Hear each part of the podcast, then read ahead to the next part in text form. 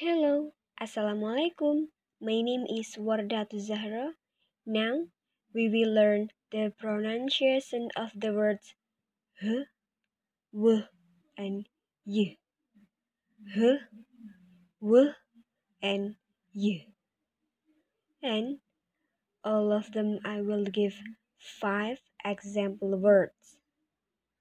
First, five examples of words h. Number one, hurt, hurt, hurt. Number two, humble, humble, humble. Number three, hungry, hungry, hungry. Number four, hug, hug, hug. And number five, happen, happen, happen. Second, five examples of the word w, w. Number one, week, week, week. Number two, tween, tween, tween.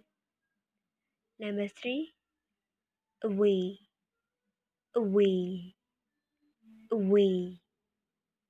Number four, wife, wife, wife. And number five, between, between, between. Okay, and the last, third, five examples of the word you. You. Example number one young, young, young.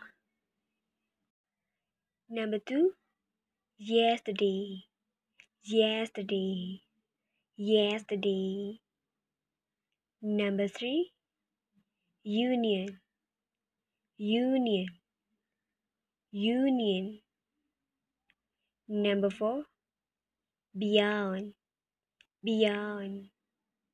Beyond.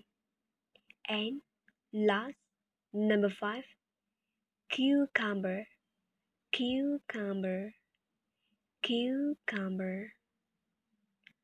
Okay, thank you.